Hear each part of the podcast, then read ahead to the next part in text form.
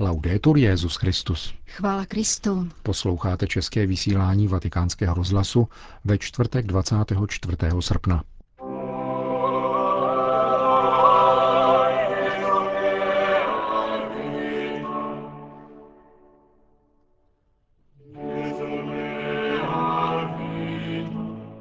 Obsáhlou promluvu o liturgii v životě církve pronesl dnes papež František k účastníkům italského hnutí liturgické obnovy u příležitosti 70. výročí jeho založení. Trest může přinést plody, pokud má horizont naděje, řekl papež František ve videoposelství do Buenos Aireské věznice. To jsou hlavní body našeho dnešního pořadu, kterým provázejí Milan Glázer a Jana Gruberová.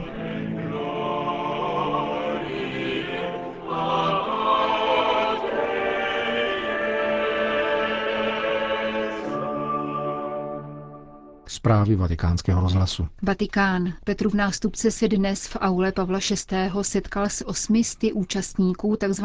Národního liturgického týdne, který je od roku 1949 každoročně pořádán Centrem pro liturgii. Toto italské středisko liturgické obnovy slaví letos 70. výročí založení. Za tuto dobu, řekl v úvodu papež František, došlo v dějinách církve a zvláště v dějinách liturgie k podstatným a nejenom povrchním událostem. Jako nelze zapomenout na druhý vatikánský koncil, tak bude připomínána liturgická reforma, která z něho vyplynula. Koncil a reforma jsou dvě přímo spojené události, které nenastaly z nenadání, ale byly dlouho připravovány. Dosvědčuje to jednak vznik hnutí, které bylo nazváno liturgické, a odpovědi papežů na nešvary vyskytující se v církevní modlitbě. Je-li zaznamenána potřeba, třeba že ještě není známo řešení, je nutné dát věci do pohybu. Mám na mysli, pokračoval svatý otec, papeže Pia X., který dal nový řád posvátné hudbě a položil nový důraz na nedělní bohoslužbu, ustanovil komisi pro všeobecnou reformu liturgie. Papež Pius XII. potom encyklikou Mediator Dei a ustanovením studijní liturgické komise v roce 1946 učinil některé konkrétní kroky, z níž nejdůležitější byla reforma obřadů svatého týdne a velikonoční vigílie.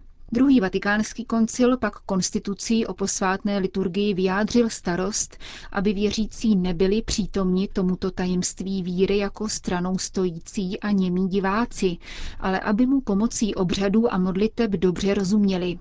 Mají mít uvědomělou, zbožnou a aktivní účast na posvátném úkonu. Papež František pak citoval papeže Pavla VI., který ohlášenou reformu vysvětloval na generální audienci slovy. Je dobré si povšimnout, že právě autorita církve chce, prosazuje a zahajuje tento nový způsob modlitby, aby umožnila růst svému duchovnímu poslání. Neměli bychom tedy váhat a staňme se nejprve učedníky a potom zastánci této začínající školy modlitby. Směr naznačený koncilem nalezl formu podle principu úcty ke zdravé tradici a oprávněnému pokroku v liturgických knihách promulgovaných blahoslaveným Pavlem VI., dobře přijatých biskupy, kteří se účastnili koncilu, a téměř 50 let všeobecně užívaných v římském obřadu. Praktická aplikace pod vedením biskupských konferencí jednotlivých zemí dosud probíhá, protože k obnově mentality nestačí reforma liturgických knih. Knihy reformované podle dekretů druhého Vatikánu zahájily proces, který vyžaduje čas, věrnou recepci, praktickou poslušnost, moudré uskutečňování nejprve svěcenými služebníky, ale také dalšími účastníky liturgie, ministranty a zpěváky. Víme, že liturgická výchova pastýřů a věřících je vyzváním, kterému je třeba čelit stále znovu. Svatý otec pak citoval znovu Pavla VI., který v této souvislosti rok před svojí smrtí řekl, že je třeba nechat definitivně odumřít rozkladný kvas, který je zhoubný v jednom i druhém směru a celistvě podle správných inspirativních kritérií aplikovat reformu námi schválenou na základě hlasování koncilu. Ještě dnes je třeba pracovat v tomto smyslu, zejména znovu objevováním motivů rozhodnutí uskutečněných liturgickou reformou, překonáním neopodstatněných a povrchních výkladů, neúplné recepce a zkomolenin.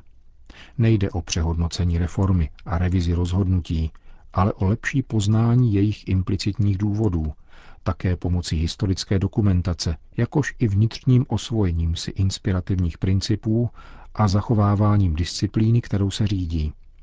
Po tomto magistériu, po této dlouhé cestě, můžeme s jistotou a pravomocí církevního učitelského úřadu prohlásit, že reforma je nevratná.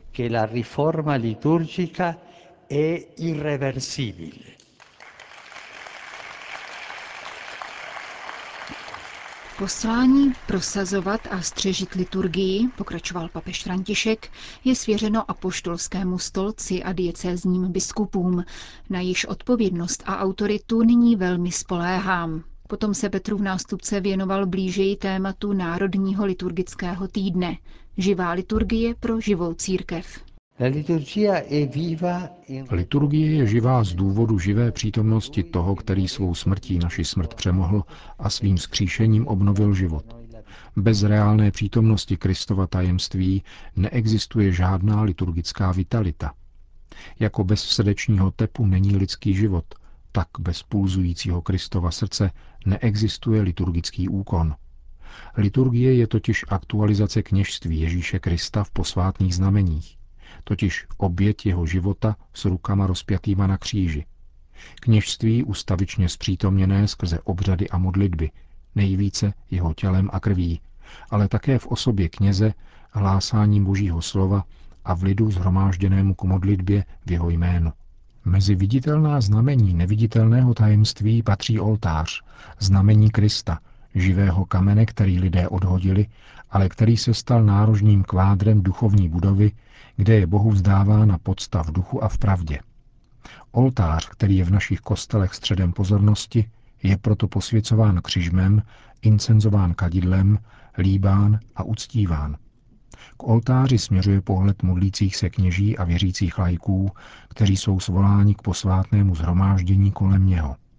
Na oltář je kladena oběť církve, kterou duch konsekruje v Kristovu svátostnou oběť.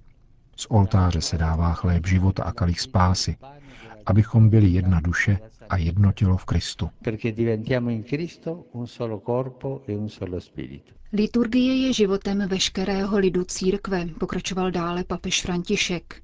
Liturgie je totiž svojí povahou lidová a nikoli klerikální a je, jak plyne z etymologie, činností pro lid, ale také činností lidu. Jak připomínají mnohé liturgické modlitby, je to činnost, kterou koná Bůh sám ku prospěchu svého lidu, ale také činnost lidu, který naslouchá Bohu, jenž mluví a reaguje tím, že jej chválí, vzývá a přijímá nevyčerpatelný pramen života a milosrdenství, který plyne z posvátných znamení. Církev v modlitbě přijímá všechny, jejich srdce naslouchá evangeliu, aniž někoho skartovala. Jsou svoláni malí i velcí, bohatí i chudí, děti i staří, zdraví i nemocní, spravedliví i hříšníci. Podle obrazu nespočetného zástupu, který slaví liturgii v nebeské svatyni, liturgické schromáždění v Kristu přesahuje každé omezení věku, rasy, jazyka a národa. Lidový smysl liturgie nám připomíná její inkluzivitu a nikoli exkluzivitu. Podporuje společenství se všemi, nikoli homologaci, poněvadž volá každého s jeho posláním a originalitou, aby přispěl k budování Kristova těla. Eucharistie není svátost pro mne, je to svátost mnohých, kteří tvoří jediné tělo, věřící, svatý boží lid. Nesmíme tedy zapomínat, že liturgie je předně výrazem zbožnosti veškerého božího lidu, pokračující pak zbožnými úkony a pobožnostmi, které známe pod jménem lidová zbožnost a které je třeba doceňovat a povzbuzovat v souladu s liturgií. Liturgie je život a nikoli idea. Vede totiž k prožívání iniciační zkušenosti, která proměňuje způsob myšlení a jednání, a nikoli k rozmnožování výbavy vlastních ideí o Bohu. Liturgická bohopodsta není především naukou, které je třeba rozumět, nebo ritem, který je třeba konat, i když tím je přirozeně také. Podstatně je však zdrojem života a světla pro naši cestu víry. Duchovní reflexe se liší od liturgie, která je účastí na božím tajemství. přenáší do tohoto tajemství a umožňuje v něm přebývat. Mezi výrokem, že Bůh existuje a cítěním, že nás Bůh miluje takovými, jacími jsme, tady a teď, existuje značný rozdíl. V liturgické modlitbě zakoušíme společenství vyznačující se nikoli abstraktní myšlenkou, nýbrž konáním, jehož činitelem je Bůh i my, Kristus a církev. Obřady a modlitby, tím, čím jsou, a nikoli vysvětleními, která o nich podáváme, stávají se proto školou křesťanského života, určenou těm, kdo mají uši, oči a srdce otevřené k přijetí povolání a poslání Ježíšových učedníků. Toto je linie mystagogické katecheze, praktikované otci a podané také katechismem katolické církve v pojednání o liturgii, eucharistii a dalších svátostech ve světle textů a obřadů dnešních liturgických knih. Církev je opravdu živá, řekl dále papež František, a tvoří jedinou živou bytost s Kristem. Je nositelkou života, je mateřská, misionářská, vychází vstříc bližnímu, vybízí ke službě, aniž by sledovala mondénní mocnosti, které zbavují plodnosti. Nakonec nemůžeme zapomenout, že bohatství modlící se katolické církve přesahuje římský ritus, který, třeba že je nejrozšířenější, není jediný. Soulad rituálních tradic východu a západu dává působením téhož ducha hlas jediné církvy, která se modlí skrze Krista, s Kristem a v Kristu, ke slávě Otce a pro spásu světa. Řekl Petrův nástupce v závěru dnešní promluvy ke členům italského centra pro liturgii.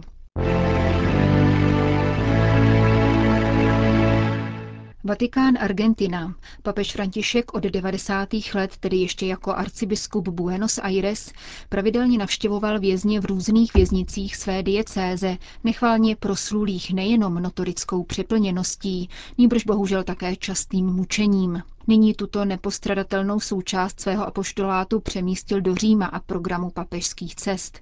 Avšak nepřestává udržovat telefonický kontakt zejména s mnohými dobrovolníky, kteří politčují prostředí v argentinských věznicích. Vyplývá to z dnešního videoposelství, které bylo odvysíláno v Buenos Aireské věznici Ezeiza a které podle papežových vlastních slov navazuje na jeho nedělní telefonáty. Svatý otec se obrací ke studentům a dobrovolníkům univerzitního centra, které díky spolupráci vězeňské zprávy a soudů může ve věznici sídlit a nyní kromě jiných kulturních a pracovních nabídek zorganizovalo pro vězně hudební kurz.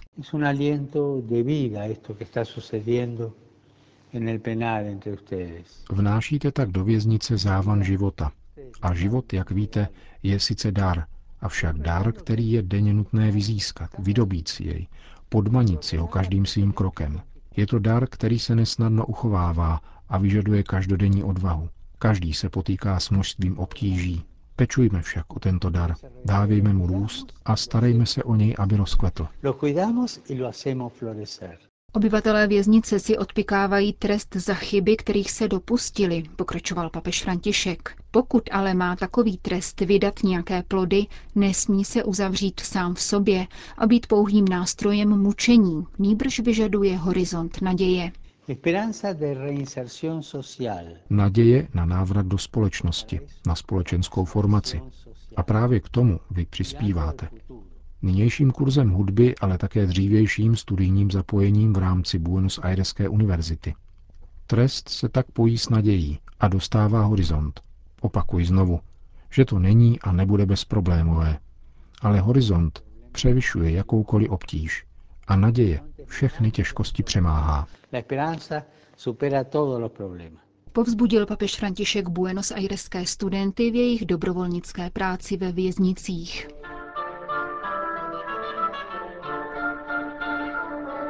Končíme české vysílání vatikánského rozhlasu. Chvála Kristu. Laudetur Jezus Christus.